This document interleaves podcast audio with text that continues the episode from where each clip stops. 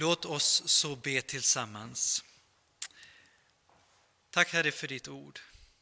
Tack att det är levande och verksamt just nu och just idag. Tack för att ditt ord inte har några hinder eller barriärer utan att vi får läsa ditt ord och lära känna dig bättre, Herre Jesus Kristus. Tack för din heliga Ande som upplyser och öppnar skrifterna för oss så att vi ser att allting vittnar om dig, Herre. Tack för att du hjälper oss att förstå, men att det inte bara får bli kunskap som får stanna i våra hjärnor utan att det får gå till våra hjärtan så att det blir förvandling. Tack att vi får be och komma inför dig och höra ditt ord. Och jag ber om din hjälp, helige Ande, till mig också, när jag lägger ut ordet. Jag ber om detta och jag ber och att du skulle öppna ditt ord för våra hjärtan och våra hjärtan för ditt ord. I Jesu namn. Amen. När jag läste ämnet historia på gymnasiet så kunde man se i historieböckerna som vi använde då bilder på kungar och på ledare som red på en vit häst. Man tog ofta bilder på en kung, en ledare som var på en vit häst. Och Det här gjorde de för att de skulle kunna visa sin makt. Och ofta så lovade de stora saker. De lovade löften om fred och om eh, makt på jorden.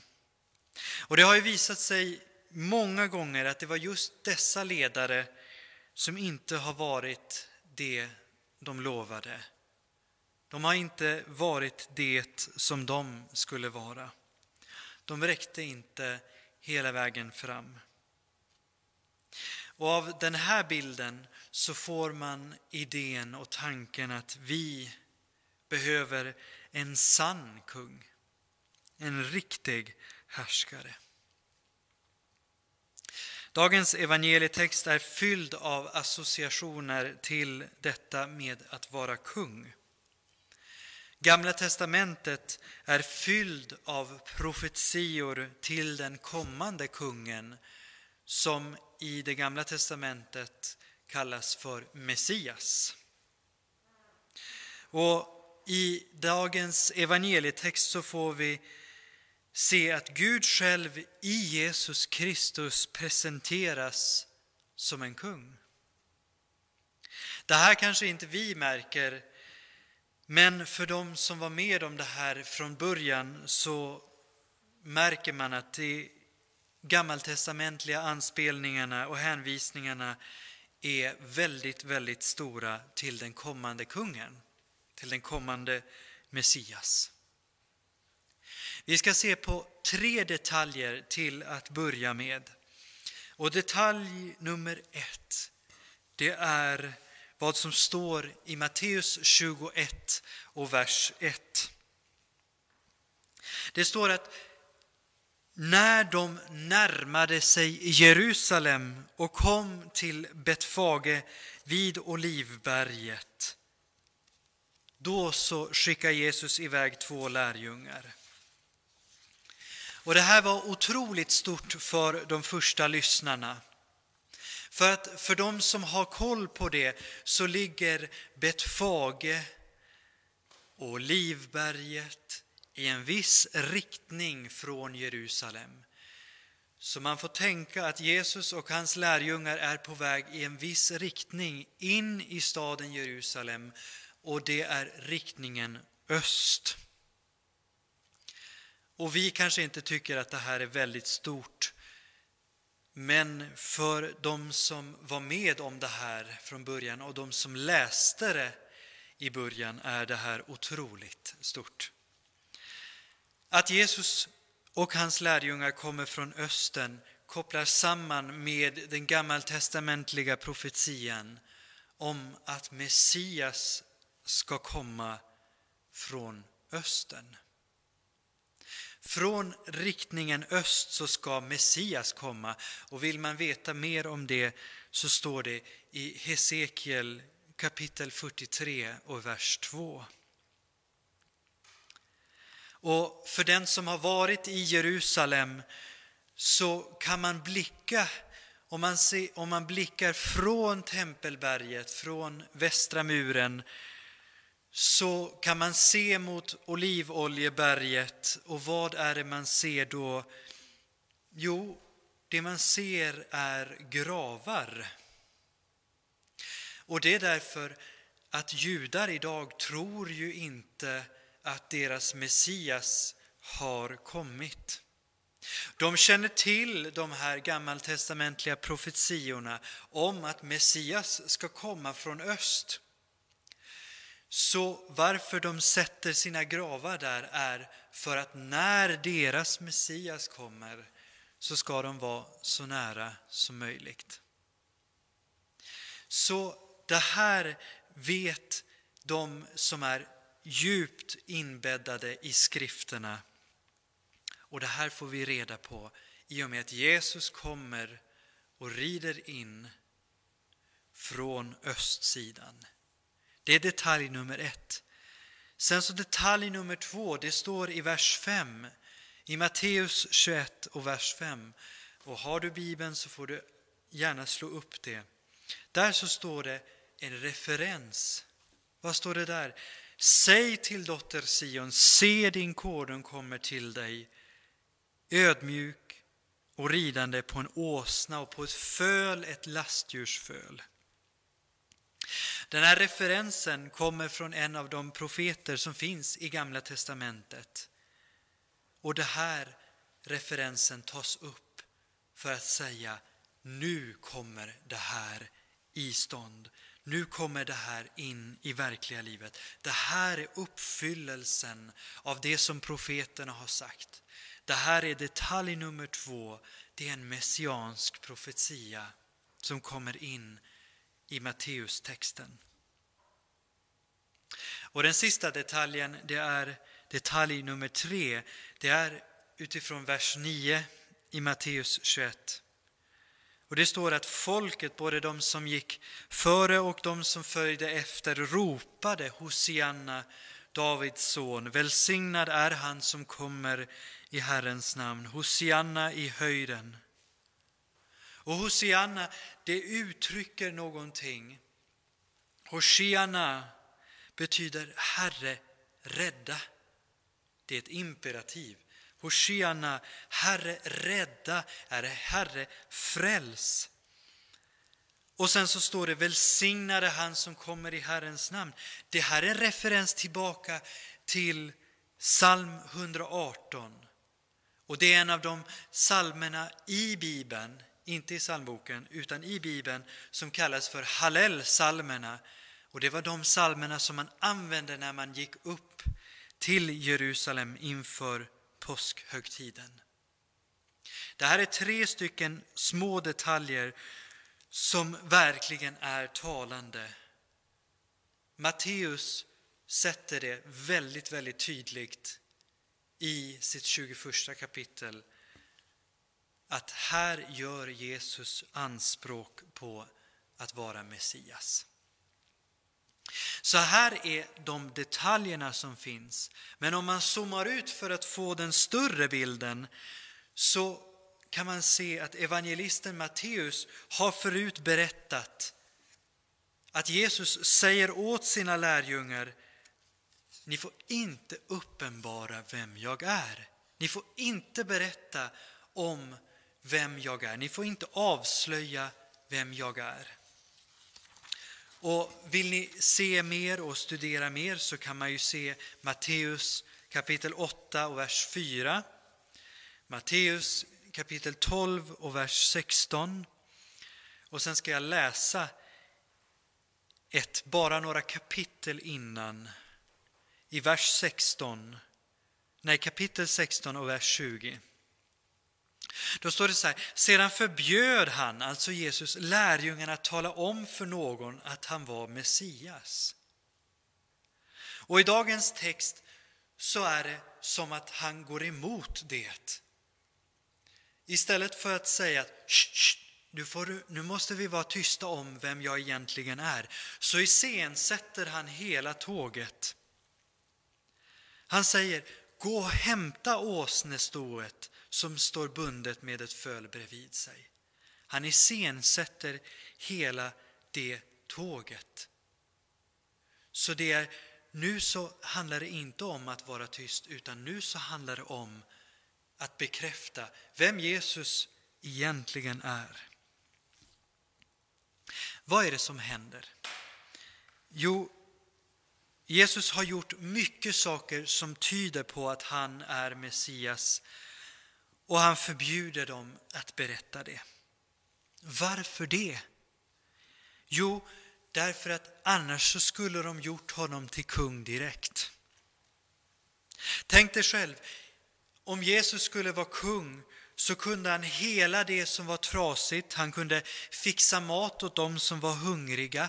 Det vore otroligt smidigt med en kung som kunde ordna med mat så att det räckte till många tusen. Som helar de sjuka så att man inte behöver gå till en läkare.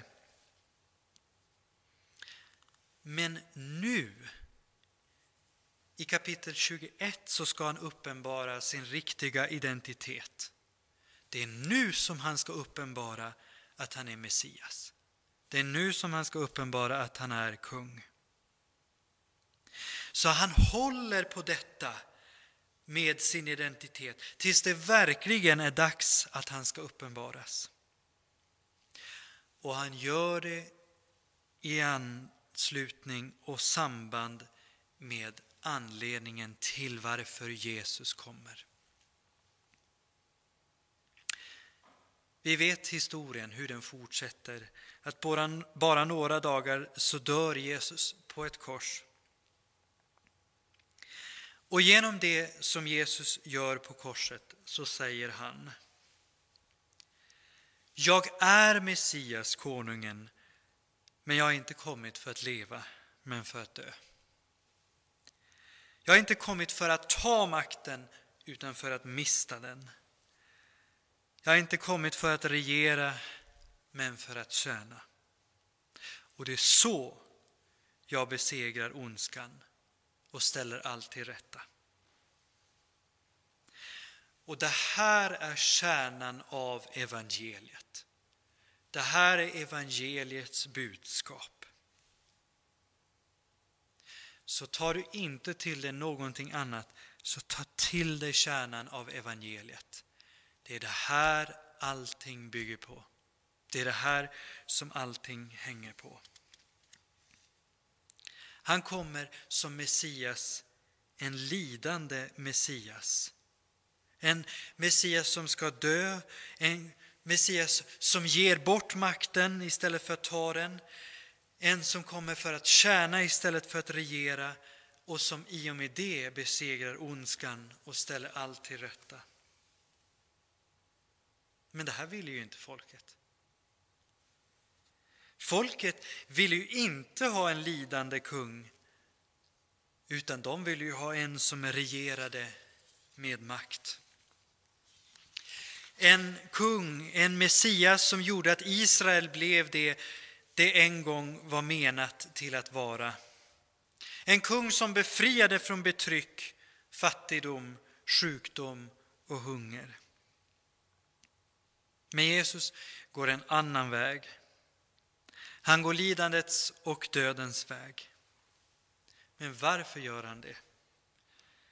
Jo, för att befria från betryck, fattigdom, sjukdom och hunger på ett andligt plan. För att regera i Guds rike som Guds rikes kung. Och när vi förstår evangeliet så förstår vi att lidandets och dödens väg blir kärlekens väg när man inser att han gjorde det för mig. För att min synd, Min uppror skilde mig från Gud, en helig Gud. Han gjorde det så att jag skulle kunna bli förlåten och ren i hans blod. Det där, det är min kung.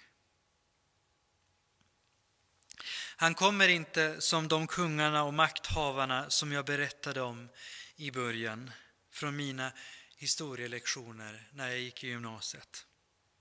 Han kommer inridandes i Jerusalem på en åsna. Han kommer som ödmjukhetens konung. Det där är min kung. Men hur ska vi förhålla oss till det här 2000 år senare? Då kan man ställa sig frågan, vad vill du att Jesus ska vara? Vi kan, likt de som följde Jesus den där första palmsöndagen, vilja ha det som Jesus ger, men inte honom själv. Och då så är det inte sann tro. Det är egentligen att nyttja Jesus för det han kan ge.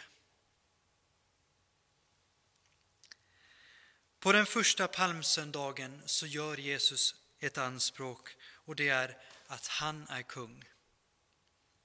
Och vad betyder det att han är kung? Jo, det betyder att han är kung och du och jag är inte det. Och vad gör det här med oss? Jo, vi, alltså du och jag, jag vet i alla fall att jag känner mitt eget hjärta, jag motsätter mig ofta någon annans rike någon annans utövande av makt över mig. För att ofta så vill jag bygga mitt eget rike.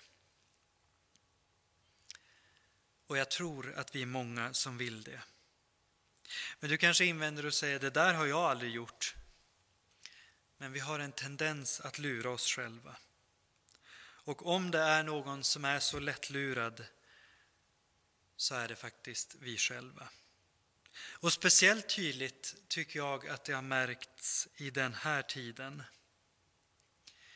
Försöker vi få kontroll över det som händer?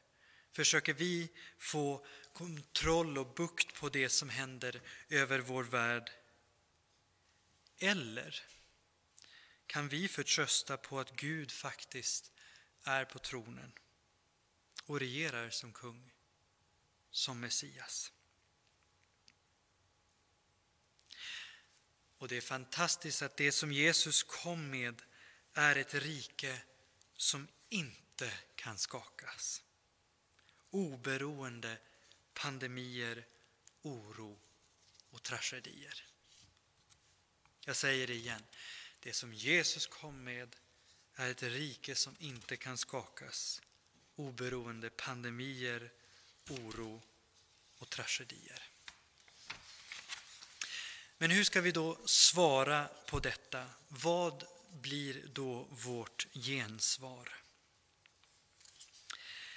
Den kände brittiska författaren C.S. Lewis som har skrivit Narnia-serien och många andra böcker